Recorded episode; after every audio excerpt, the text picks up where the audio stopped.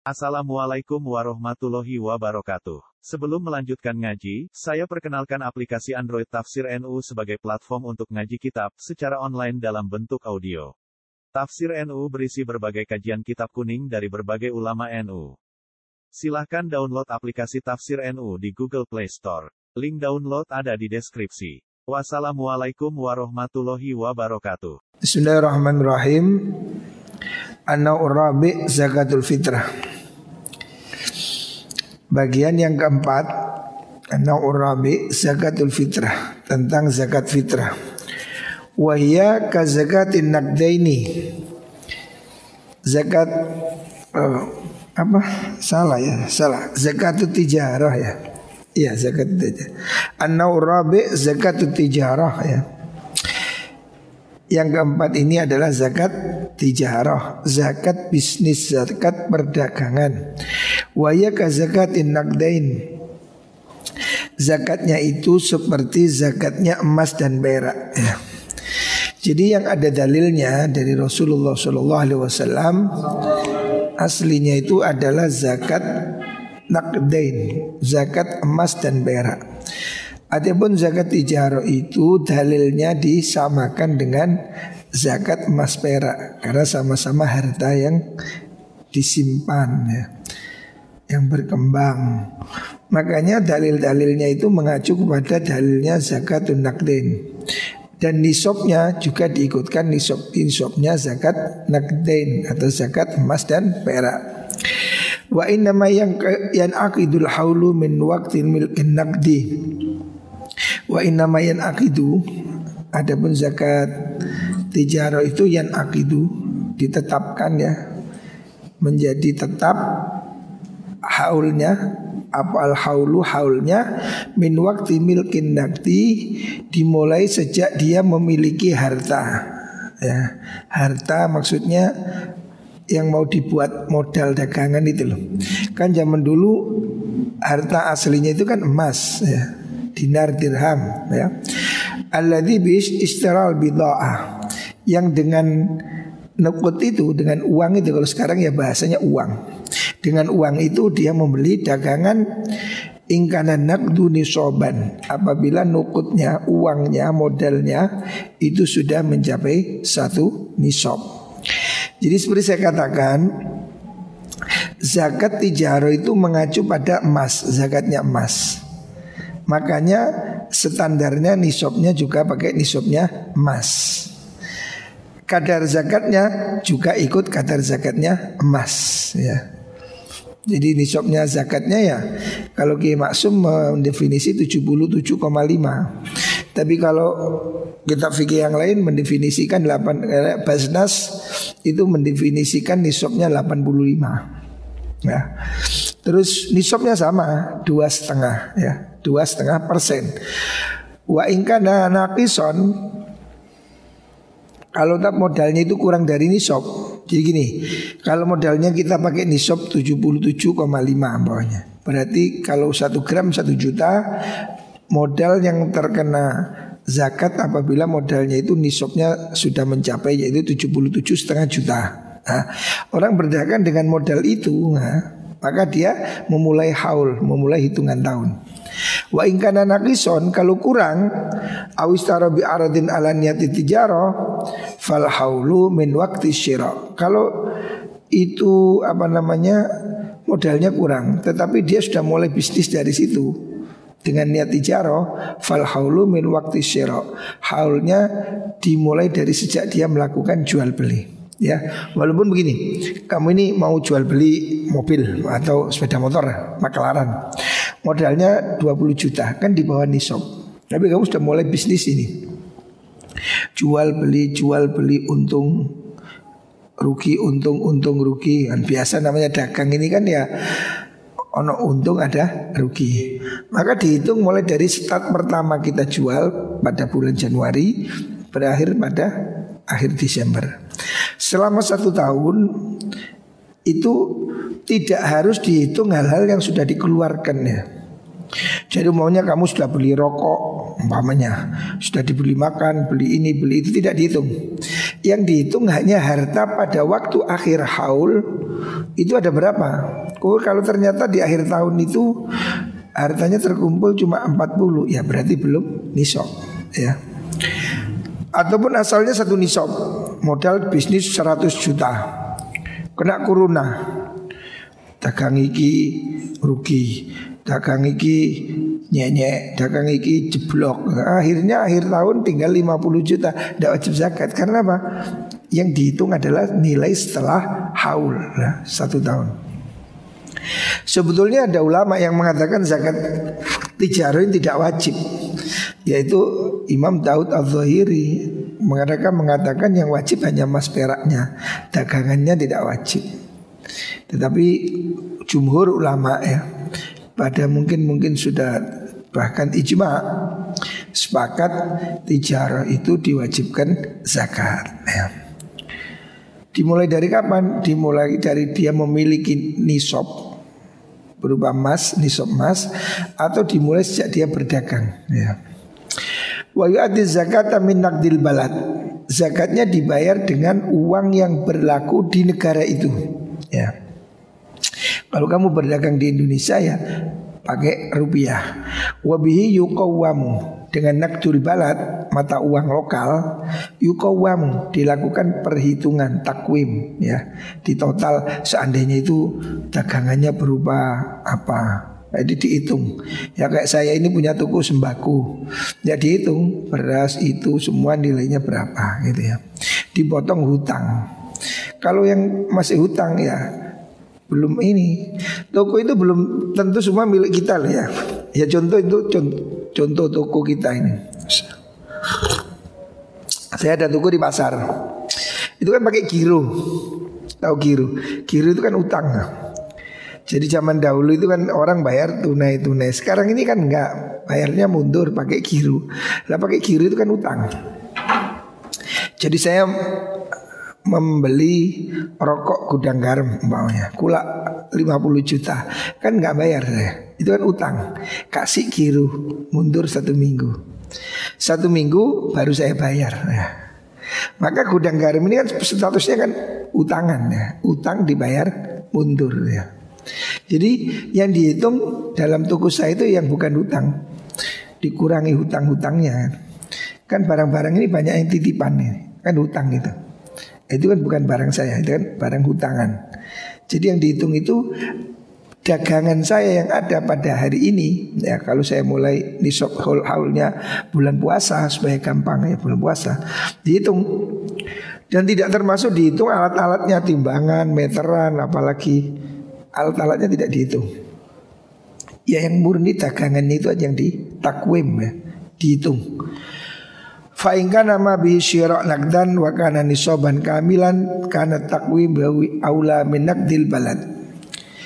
Apabila yang dibuat beli itu berupa nukut mata uang wa kana nisoban kamilan dalam nilainya yang sudah satu nisob karena takwim bi aula min nakdil balad maka lebih baik di situ memakai nukut maksudnya nukut itu emas perak ya jadi kalau memang dia bisnisnya itu pakai modal emas satu kilo umpamanya maka ya hitungnya dengan persentase emas itu. Nakdul balad itu uang yang berlaku di setempat. Waman nawa atijarota Waman adapun orang nawa yang berniat atijarota berdagang Min malik kindia Dari harta simpanan Jadi ada istilahnya kindia Kundia atau kindia Harta simpanan. Falayak akidul haul Haulnya itu tidak terhitung Bimujarradi niyatihi Hanya karena dia niat mau dagang Hatta yastariya bi syai'an Sehingga dia mengeksekusi Melakukan jual beli dengan uang itu ya. Jadi kalau saya punya duit 100 juta Saya mau dagang Maka ngitungnya haul itu ketika sejak saya belanjakan ya. Wa mahma qata niyat tijar qabla tamamil haul saqatat az-zakat. Tapi kalau di tengah jalan saya itu niat berhenti dagang, ya zakatnya gugur. Contoh gini loh. Saya ini dagang, jual beli mobil, jual beli, jual beli. Pada bulan ketujuh asalnya beli siap maunya beli Sepra. Laku untung beli cherry Avanza Xenia. Uh, bulan ke-8 sudah dapat Livina. Nah, terus saya wis, wis niat gak tak dol tak ya sudah berhenti. Tidak ada zakat jadi niat ketika kita berniat untuk menghentikan perdagangan sebelum haul, maka selesai tidak wajib zakat. Ya. Makanya zakat tijarah ini bisa direkayasa kalau orang nggak mau zakat. Haul kurang satu bulan, artinya dikasihkan anaknya. Nah ini toko saya berikan kamu semua. Ya sudah selesai, belum haul sudah bukan milik saya ya tetapi itu tidak bagus ya. Wal aula ayu adia zakatatil kasana. Yang lebih baik ya hendaknya dia bayarlah zakat tahun itu. Walaupun memang dagang ini kan ada haul. Kalau belum haul tidak wajib zakat. Jadi orang itu bisa saja merekayasa supaya tidak zakat. Ya contoh dagangannya mobil. Pada bulan ke-10 dia bilang sudah saya niat berhenti dagang mobil saya pakai sendiri. Ya selesai, haulnya nggak ada. Maka tidak wajib zakat. Atau pada bulan ke-11 diberikan anaknya semua ini toko saya berikan kamu semua. Ya selesai. Haulnya hilang Anak itu yang mulai haul Nanti kurang setahun tiket nomornya yang bapak Ya mulai kalau ini bulat nih Bulat mal mumet Itu namanya merekayasa zakat Sebaiknya ya zakat itu kesadarannya. Kalau sudah wajib ya bayarlah, jangan direka biasa. Memang bisa gugur zakatnya itu bisa. Karena ada haul itu apa? Ya. Sehingga bisa jadi digugurkan di tengah jalan boleh. Dan ketika di tengah jalan dia niat itu kinyah, itu juga selesai. Jadi saya ini dagang, saya punya toko. Pendapatan setiap bulan ya saya buat beli makanan, saya buat beli kredit mobil, apa yang tidak untuk dagang. Itu tidak dihitung semua. Jadi zakat itu tidak dihitung kayak pajak. Kalau pajak kan dihitung di satu pendapatan per tahun berapa begitu berapa omset.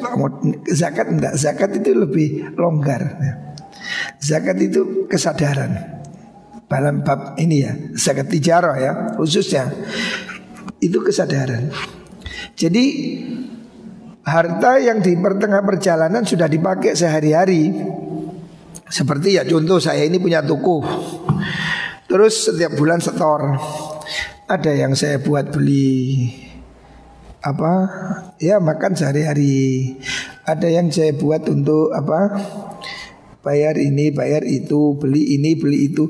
Yang tidak niat perdagangan itu semua hilang haulnya. Itu semua tidak dihitung. Ya. Jadi yang sudah habis dimakan sehari-hari itu tidak, tidak dikeluarin zakat, tidak dicatat. Ya. Jadi orang ini umpamanya punya toko Modalnya 50 juta Pendapatan per bulan untung 5 juta atau 10 juta Tapi habis Memang anak telu, bujuni telu Habis terus habis Maka akhir bulan Akhir tahun Tidak mencapai nisab Tidak wajib zakat Tidak wajib zakat Jadi yang wajib itu Hanya yang ada pada haul ya. Wa makana min ribhin Adapun yang terjadi untung fisil ati di dalam dagangan fi akhiril hauli di akhir haul wajibat az-zakat. Maka wajib zakat fihi li hauli ra'sil mal mengikuti haulnya modal. Begini umpamanya saya ini dagangan ya modal 100 juta saya jual beli mobil. Atau yang kamu bisa gampang uh, jual beli apa itu ya mobil lah gampang kan. 100 juta beli jual 102 beli lagi 102 jual 105 dan seterusnya. Maka ini semua dikumpulkan. Kalau nggak dipakai ya ini dikumpulkan akhir tahun jadi 200 dikeluarkan jadi satu 200 itu gitu. Jadi bukan 100 sendiri untung 10 juta disendirikan enggak tapi disatukan ya hitung kalau memang itu diputar terus kayak perusahaan itu kan diputar terus di perusahaan akhir tahun ya dihitung semua yang laba atau rugi yang dihasilkan pada tahun itu di total nisabnya berapa ya. Walam yusta'naf lahu haulun kama fin dan tidak dihitung permulaan haul sebagaimana anak hewan ternak. Kalau anak hewan ternak itu kan dihitung haul sendiri. Kalau memang dia apa namanya setelah setelah haul dihitung haul sendiri ya. Wa amwalu syarifah la yang qatiu hauluha bil mubadal al jariyah bainahum. Harta orang yang money changer, soyrofi itu, soyarifah, soyrof, soyrof itu changer, ya, soyrofi, ya, money changer, ya. Itu haulnya tidak putus ya sepanjang tahun itu. Dengan dia tukar dolar, rupiah, rupiah, yen, yen itu semua dihitung semua kasairi tijarah seperti perdagangan lainnya. Jika saya lihat dagang modal 100 juta Yo sa ono sepeda dodol sepeda Ono motor dodol motor Ono kebu dodol kebu Bawanya dagang serba bisa ini. Delok dagangan. Musim duren dagang duren Musim lombok dagang lombok. Nah, Itu semua jadi satu dihitung akhir tahun ya. Harta yang dibuat dagang itu Yang ada di akhir tahun itu di, dikumpulkan semua ya. Tapi yang sudah dimakan, yang sudah ditarik untuk kebutuhan hidup, beli rumah itu tidak dihitung ya. Wa wa zakat ribhi malil qirat alal amil. Zakat keuntungan harta qirat, qirat itu akad bagi hasil. Alal amil wajib bagi amil. Akni hisotahu yakni bagiannya amil. Jadi kamu begini, saya punya duit satu miliar. Saya berikan Ali di ini uang kamu kerja modal saya satu miliar bagi hasil ya. Wah, untung ini satu tahun untung 500 juta. Berarti 500 juta dibagi dua kan untungnya 25 25 250 Lah zakatnya itu dibebankan kepada amil. Ya, Zakatnya itu dibagi, dibebankan kepada pekerjanya. Karena saya pemodal itu kena zakat ongkos apa e, modalnya ini pokoknya kan sudah saya keluarin zakatnya ya. Jadi harta yang berkembang itu untungnya itu zakatnya kepada amil gitu ya. Wa ingkana qabla qismah meskipun sebelum dibagi. Hadza wal aqyas. Ini yang lebih sesuai dengan ias ya. Ini disebutnya harta dijalankan pihak lain. Saya tetap ngeluarin zakat karena saya punya modalnya ya modal dan keuntungan yang saya punyai. Tapi amil kalau mencapai nisab dia juga terkena zakat tersendiri ya. Ini zakat tijarah ya. Zakat bisnis ya. Dan bisnis ini tidak harus berdagang. Bisnis itu bisa jadi sewa menyewa ya. Saya buka rental ya, kan sewa menyewa itu juga bisnis ya. Pokoknya memutar harta untuk dapat untung itu bisnis ya. Bisa jadi bisnisnya itu sewa menyewa, bisa jadi bisnisnya itu ya seperti apa nanam tebu ya modal 100 juta nyewa tanah 5 hektar dimodali satu tahun ya itu juga dijarah juga bentuknya melalui investasi pertanian ya. Pokoknya harta yang dikeluarkan dengan tujuan untuk dapat untung itu masuk kategori tijarah ya. Lah itu dikeluarkan zakatnya setiap haul ya. Kalau harta itu bisa diuangkan ya. Selanjutnya bagian kelima Annaul khamis zakatur rikas wal ma'dan Yang kelima ini zakatnya harta purbakala. Rikas itu harta temuan. Ya. Orang Jawa bilang harta karun. Nah, karena itu dikira miliknya korun yang ditenggelamkan Nabi Musa di apa didoakan ambles gempa bumi. Jadi harta karun, nah, harta korun. Kalau dalam fikih harta rikas. Ya. Harga harta yang merupakan temuan dari masa jahiliyah. Kalau di Indonesia ini ya zaman Majapahit, zaman Sriwijaya ya. Wal makdan, makdan itu tambang. Orang punya tambang emas, tambang ini ya. Batu bara bagaimana? Nah, itu khilaf. Apakah semua tambang apa hanya emas perak? Kalau kitab-kitab fikih itu rata-rata hanya mewajibkan tambang emas dan perak. Tapi ada yang mengatakan semua tambang, tambang berlian, tambang batu bara, tambang minyak dan seterusnya. Warikas malun dufina fil jahiliyah.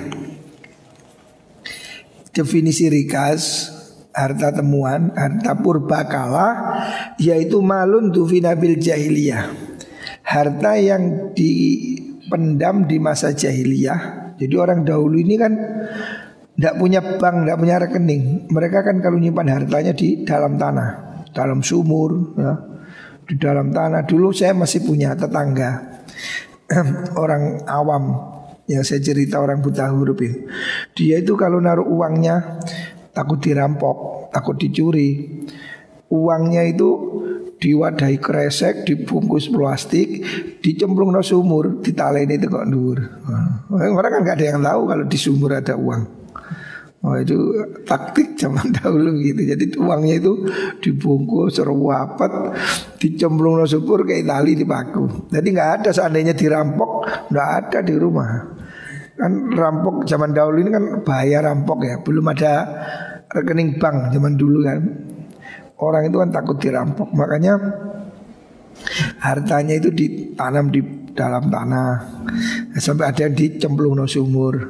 Lah kule wonge mati kan lali. Lah harta yang kalian-kalian begini nih pada zaman jahiliyah ya. Itu namanya harta rikas. Wa wujida fi ardin lam yajri alaiha fil islami milkun dan ditemukan di tanah yang sebelumnya bukan negara Islam ya. Ya seperti kita ini nemu di hutan atau nemu di mana? Ya di situs-situs purbakala itu. Jadi di bekas kerajaan Singosari, kerajaan Daha, kerajaan Sriwijaya ya, itu semua harta rikas. Jadi kalau kamu umpamanya hidup di Mojokerto, ya, wah ngeduk-ngeduk, macul-macul, ono kuning, gilap, wah itu mas. Lek kuning empuk, ah itu tuh. Tutu itu. Lah, kalau kamu menemukan emas dan itu memang emas kuno, nah ini namanya rikas. Tapi kalau nemunya itu kayak pasar, ya bukan rikas, itu namanya lukoto, ya. Nemu temu di pinggir rembong, nah itu lukoto kan bukan berarti pemiliknya ada itu, ya. Kalau nemu emas di tempat umum, di tanahnya orang, di kebun orang itu kan ada pemiliknya. Tapi kalau ini barang kuno memang, barang yang dimaksud rikas ini barang zaman sebelum era Islam ya. Era Sriwijaya, Majapahit, Gajah Mada ya. Kalau orang nemu itu gimana? Orang gali sumur nemu mahkota. Nah, fala wajidihi fi wal fiddah min dual khumus wajib mengeluarkan zakat bagi penemunya 20% al-khumus seperlima. Jadi seandainya kamu ngeduk sumur nemu emas satu kintal. Nah, zakatnya 20% berarti berapa? 20% berarti 20 kilo ya kan satu kintal. Nah, jadi zakatnya langsung 20 persen. Wal haulu ghairu mu'tabar. Tidak perlu haul. Karena kan rezeki nomplok. Gak usah haul. Langsung ya. Kok tiba-tiba nemu emas. Sak, ini 10 kilo. Langsung keluar zakat 20 persen. Ya. Tidak perlu haul. Karena ini kan bukan kerja kan. Ini kan rezeki nomplok. Nah. Wal aula alla yu'tabar nisabu aidan menurut Imam Ghazali seyogianya tidak dihitung nisab juga. Artinya berapapun kena wajib zakat. Ya.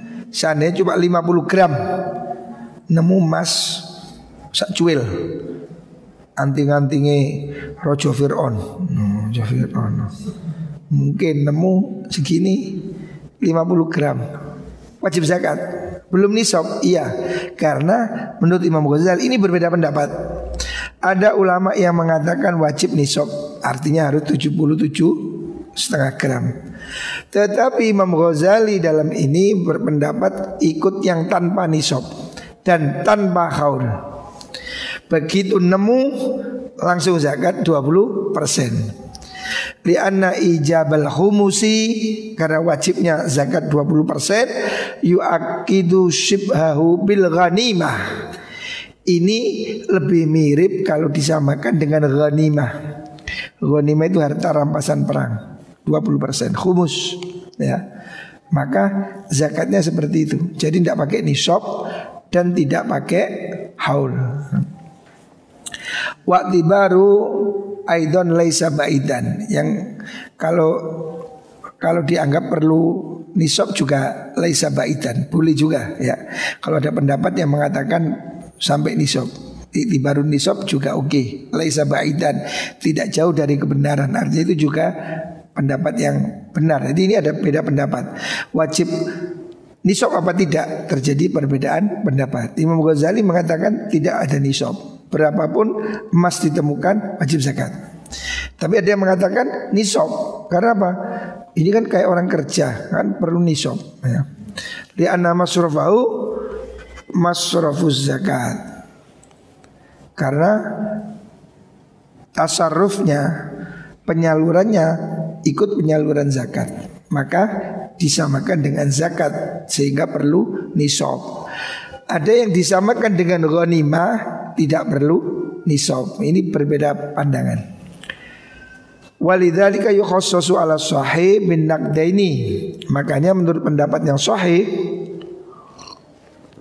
dalam madhab syafi'i itu hanya wajib pada tambang emas dan perak. Jadi zakat tambang berlian, tambang batu bara tidak wajib zakat. Menurut qaul sahih dalam madhab syafi'i. Walaupun madhab lain mengatakan wajib. Jadi tambang tembaga, tambang besi, tambang LPG, oh LPG ada tambangnya enggak? Tambang gas dan seterusnya. Semua wajib zakat. Tapi madhab syafi'i, kaul yang sahih mengatakan wajib harta tambang hanya emas dan perak. Oh, bukan bukan ini ini belum tambang. Rikas ya, rikas nanti tambang di bawahnya.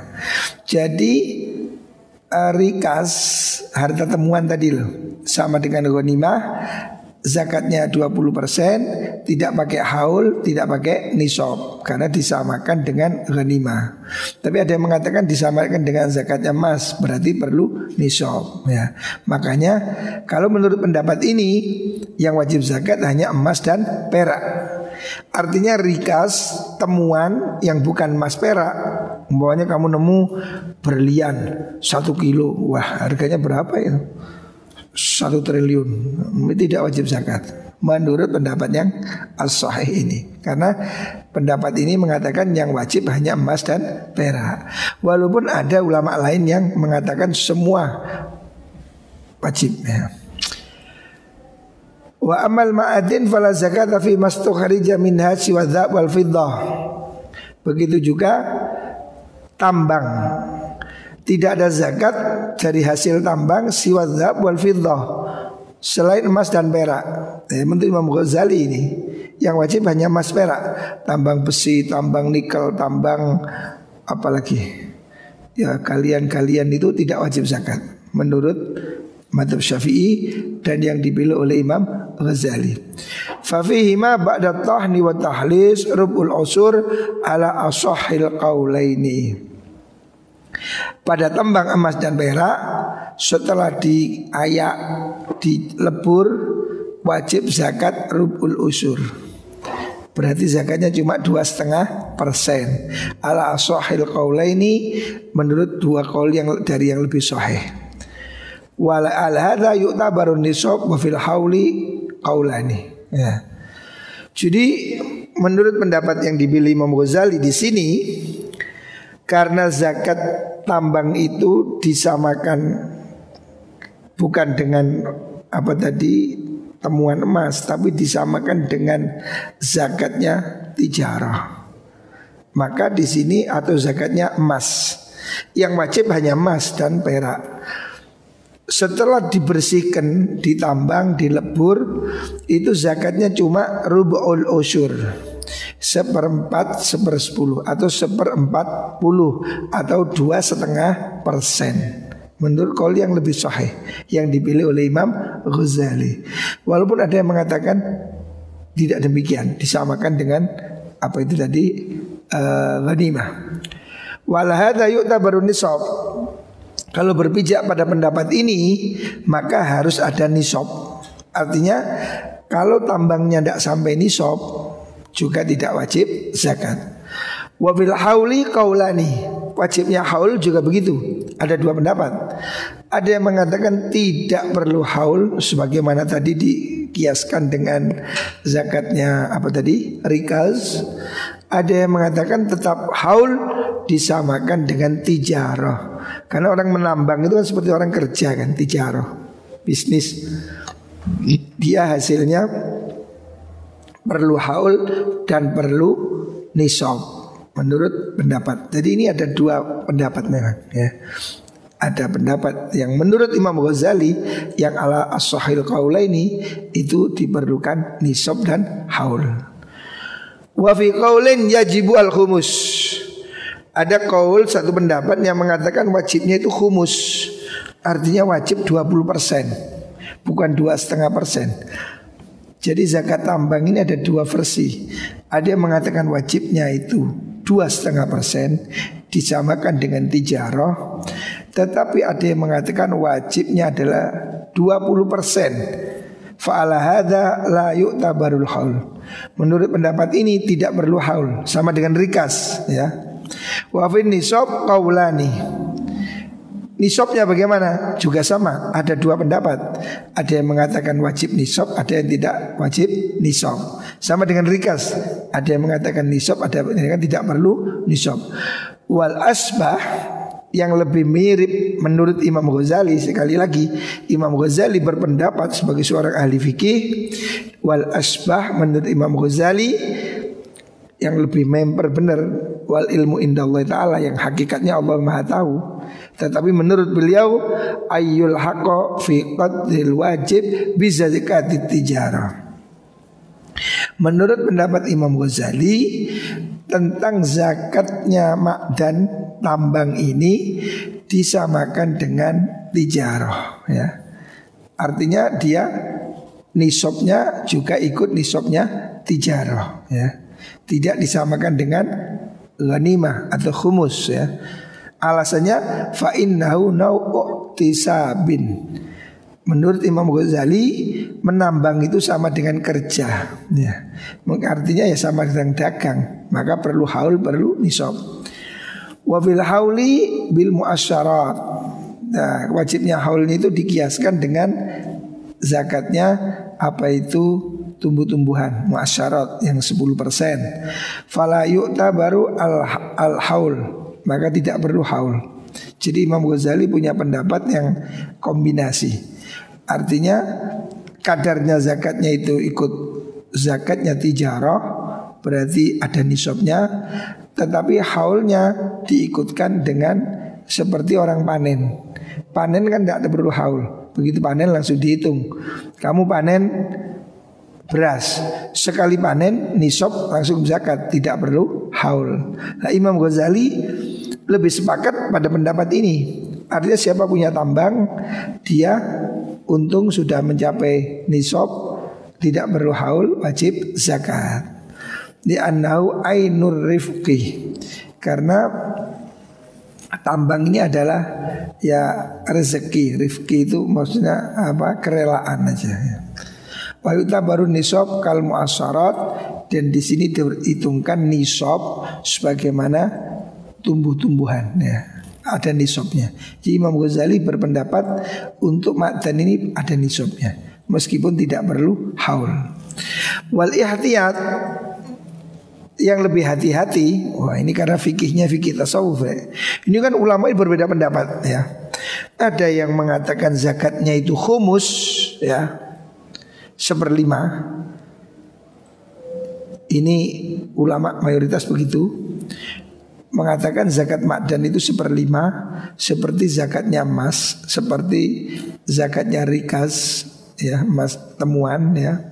Jadi tambang emas itu seperti orang menemukan emas. Maka zakatnya seperlima ya. Ini lebih hati-hati. Imam Ghazali berkomentar wal ihtiyatu ayyuh rijal humusa. Yang lebih hati-hati itu seandainya kamu berbisnis sebagai penambang emas, keluarkanlah seperlima atau 20 persen ya. Jadi ini di sini ulama berbeda pendapat zakatnya apakah 20 persen ataukah dua setengah persen. Kalau ikut emas zakatnya dua setengah persen. Kalau dikiaskan ke ghanimah zakatnya 20 persen. Imam Ghazali mengatakan yang ikhtiyat kita ikutkan zakatnya khumus berarti 20 persen. Wa min ghairi aidan dan Imam Ghazali berpendapat wajib zakat semua tambang walaupun bukan emas dan perak. Itu tambang berlian, ikut tambang besi, tambang nikel, tambang apa lagi? Tambang atom apa namanya? Itu semuanya wajib zakat menurut Imam Ghazali. Khurujan an subhadi hadil ikhtilafat karena keluar dari pertentangan ini. Jadi di sini pendapat ulama itu banyak sekali tentang zakat ini, ya. Banyak perdebatan, ya. Bisa kita lihat di kitab-kitab fikih ulama berbeda pendapat yang yang sangat beragam tentang masalah zakatnya rikas dan makdan ini, ya apakah ada haulnya apa tidak, apakah ada nisabnya atau tidak. Ulama berbeda pendapat ya. Tapi Imam Ghazali sendiri berpikir bahwa tidak perlu haul, tapi perlu nisab. Zakatnya berapa? Menurut Imam Ghazali sebaiknya ikut yang zakat khumus yaitu 20 persen. Dan itu tidak tergantung dengan emas. Semua tambang menurut Imam Ghazali karena di sini ada ikhtilaf. Fa innaha dzununun qaribatun minat ta'arud. Karena pendapat ini semua merupakan dugaan, tidak ada yang yakin dalilnya juga saling menguatkan yang berlawanan. Wajaz mulfatwa fiha mukhatarun li ta'arudil istibah. Kita ini kalau mengambil pasti ini apa bahaya, takutnya kita kurang ya. Antara zakat dua setengah atau 20 persen. Ulama berbeda pendapat masing-masing argumentatif. Makanya Imam Ghazali mengatakan sebaiknya ambil yang 20 persen. Takutnya kalau dipastikan dua setengah persen Ternyata yang benar menurut Allah 20 persen Kita kan punya utang. Nah gitu. ya ini tambang. Nah dari sini kemudian ulama juga mengambil istihad tentang zakat profesi. Ini akhir zaman ini kan ada disebut zakat profesi. Zaman dahulu tidak ada zakat profesi itu. Karena zaman Rasulullah SAW, zaman sahabat belum ada profesi yang mahal itu belum ada. Pengacara belum ada. Sekarang ini kan mahal pengacara kayak hotman. Nah itu kan cincinnya 7 miliar Arrojinya 2 miliar. Pokoknya saat tubuhnya Hotman itu 20 miliar. Ikut badannya itu loh. Jasnya 25 juta Sepatunya 50 juta. Waduh ini aksesorisnya 20 M. Karena apa? Dia profesinya pengacara. Pengacara ini kan Pekerjaan yang gak jelas juga ya. Pengacara itu pengangguran banyak acara Gajinya kan nggak nggak nggak tentu. Gajinya pengacara itu mahal, ya. Karena kasus hukum tidak semua orang bisa kan. Perlu lobby-lobby, perlu wah ini dan seluk beluknya hukum ini susah. Makanya pengacara itu yang sukses itu mahal. Konsultasi aja, kamu ketemu pengacara top itu dihitung per jam. Jadi takon tok omong-omongan tok belum mengambil jasa hukum, cuma konsultasi. Banyak kamu sengketa sama istrimu Datang pengacara top Otman Paris, Ruhut Sitompul, siapa lagi yang top-top itu. Itu dihitung jam, Pak. Kamu datang konsultasi ya satu jam lima juta. Dihitung mulai ngomong tek. Yes. Kok kon ngobrol ke dapur serong jam ya 10 juta. Ngomong tok bayar ya. Nah, ini bagaimana zakatnya pengacara, dokter spesialis. Spesialis itu mahal loh. Dokter spesialis itu hari ini di Surabaya satu kali periksa 500 ribu. Mek delok tok ndangak mangap melek. Oh. Kate nyuntik eh, a u wis. 500.000. Nah lek sedina iku pasene 50. Nah, 50 orang. Berarti berapa sehari dia dapat? 25 juta. Belum yang di rumah sakit, belum puasa satu hari dokter yang top itu bisa 100 pasien. Di rumah pagi sampai jam 9 terus di rumah sakit terus di rumah sakit anu tiga rumah sakit malam buka praktek. Oh, itu satu hari bisa 100 pasien. Nah kalau rata-rata satu pasien 500 ribu kali 100 berarti sehari dapat berapa 50 juta sebulan dapat satu miliar setengah wah zakatnya gimana ini mahal sekali ini atau profesi-profesi yang top seperti dirut BRI itu gajinya bisa 500 juta ya. Jadi dirut perusahaan yang kayak Mandiri, BRI, Garuda itu gaji bulanannya bisa hampir satu miliar. Ya. Lah itu zakatnya berapa? Nah, nah ini ulama dia mengatakan ini istihad ya. Saya Yusuf Qardawi mengatakan profesi yang empuk-empuk itu zakatnya sama dengan zakatnya barang temuan. Karena kan kliennya itu kan nemu ya. Maka dimintai 20 persen. Tetapi menurut saya ya kias terendahnya itu ya tetap ke perdagangan. Kan itu kan berdagang dengan profesinya. Maka ya dihitung haul dan nisab. Jadi kalau satu tahun ada perkembangan harta sekian miliar, maka itu yang dizakati ya zakatnya ikut zakat dagang, itu zakat tijarah ya. Karena itu kan macamnya kerja toh. Tijarah itu kan bekerja ya bisa jadi berdagang, bisa jadi bersewa, bisa jadi apa tadi konsultan, notaris, pengacara, dokter ya. Direksi ya. Itu semua wajib zakat iya. Tapi zakatnya berapa? Ya kalau menurut saya ya itu memang tidak ada itu di kitab fikih belum ada. Yang jelas wajib zakat yang jelas ya zakat simpanannya itu. Karena kalau zakatnya emas itu kan semua sepakat ya. Semua orang punya emas simpanan satu tahun wajib zakat. Maka dia yang punya simpanan satu tahun harta yang mengendap depositonya itunya wajib zakat. Jadi zakatnya nunggu nisab dan haul. Tapi kalau memang tidak ada nisab, tidak ada haul, ya tidak wajib zakat ya. Umpamanya orang ini dosen Gajinya 10 juta. Tapi biaya hidupnya 10 juta. Kan orang hidup di kota ini mahal ya.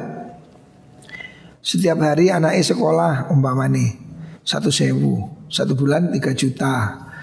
Kredit omah 5 juta. Karena orang juta. Ente Kalau di kota orang penghasilan 10 juta itu sedikit.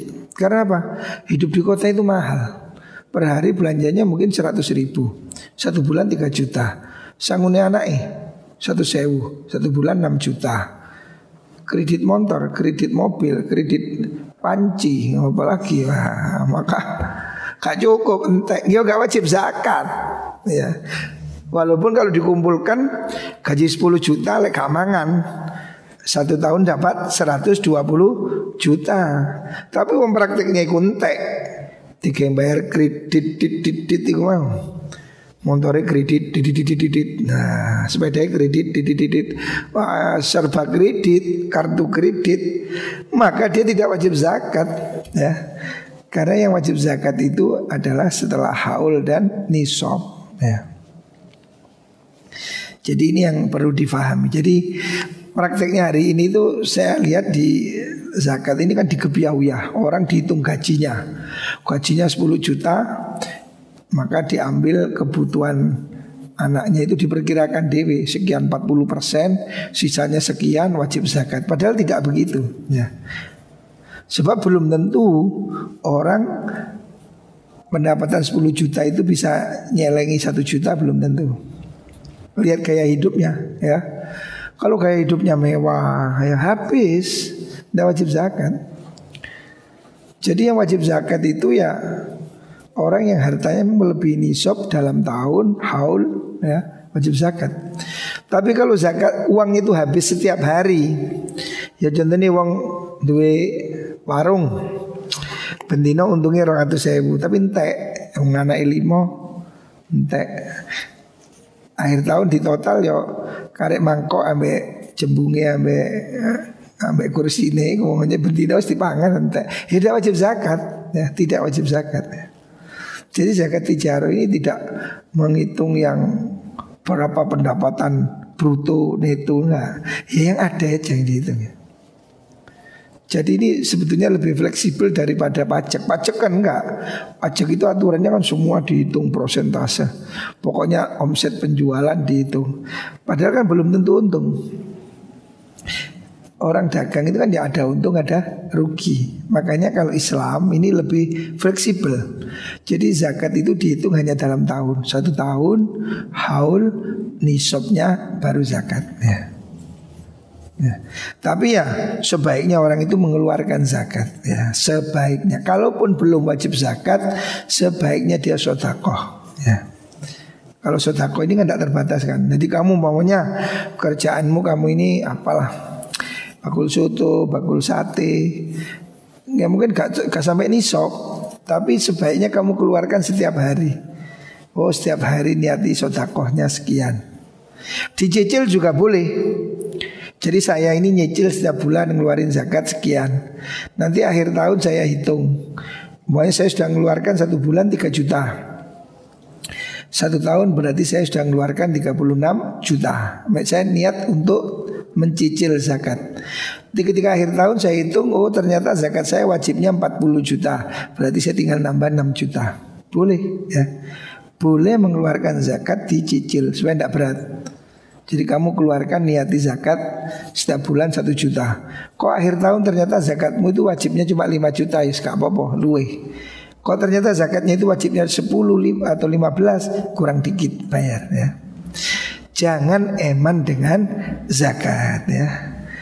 Niati aja itu sebagai sodako Ya sodako itu ada yang wajib ada yang sunnah Tetapi tidak ada orang miskin karena zakat ya Muka-muka kabeh diparingi rizki yang barokah Supaya kita semua bisa berzakat ya. Termasuk hari ini nih Pahalanya besar ini kan banyak orang Tidak punya kerja ya Nah ini kita berbagilah ya Semua yang kita keluarkan pasti akan kembali. Siapa yang nanam pasti akan panen ya. Memberi itu sesungguhnya menerima. Ya pastinya. Muka-muka diberkahi Allah Subhanahu wa taala.